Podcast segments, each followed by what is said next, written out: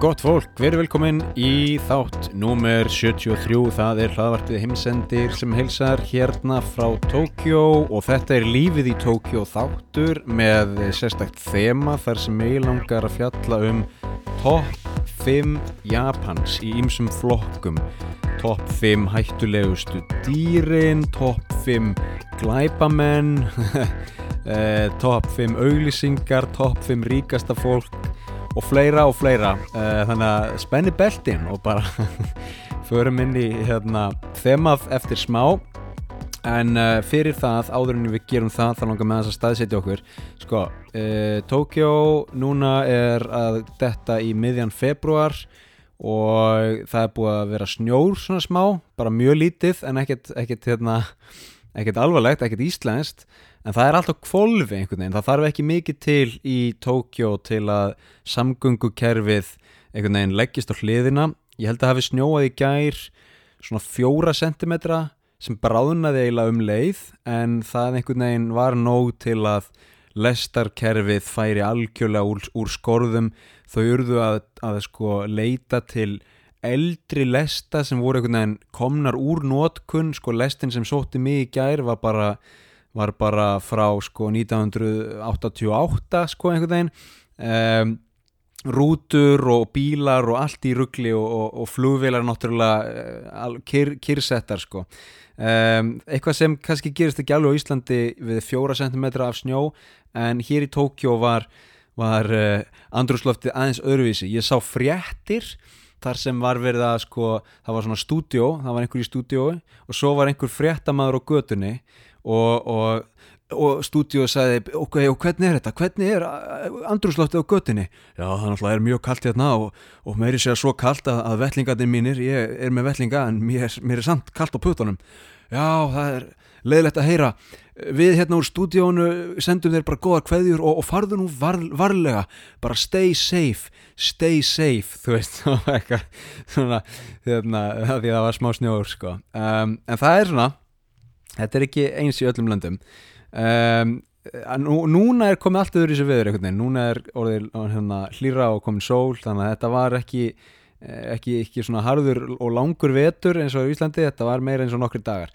En uh, þannig eru við búin að staðsýta okkur. Uh, annars er allt bara hér um, í góðum málum í Tókjó uh, ég er nú að koma til Íslands eftir nokkar daga í nokkrar uh, vikur. Sjáumst þar, annars segi ég bara hérna, njótið þáttarins. Þetta er top 5 Japans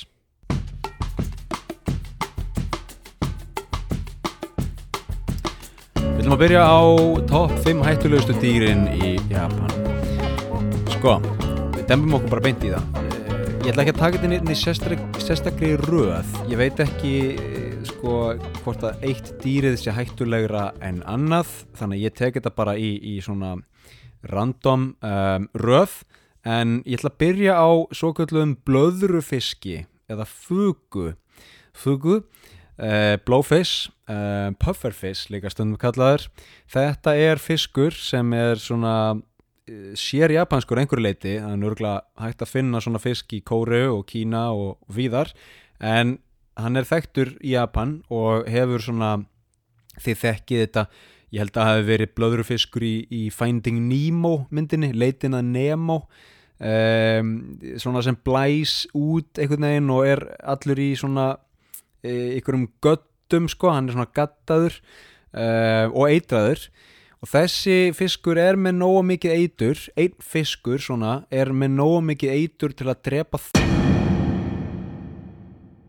Gott fólk, þessi þáttur er í áskrift á Patreon og mér langar aðeins að segja ykkur frá árinu 2023 á Patreon hjá mér. Ég er nefnilega með 5 markmið á Patreon.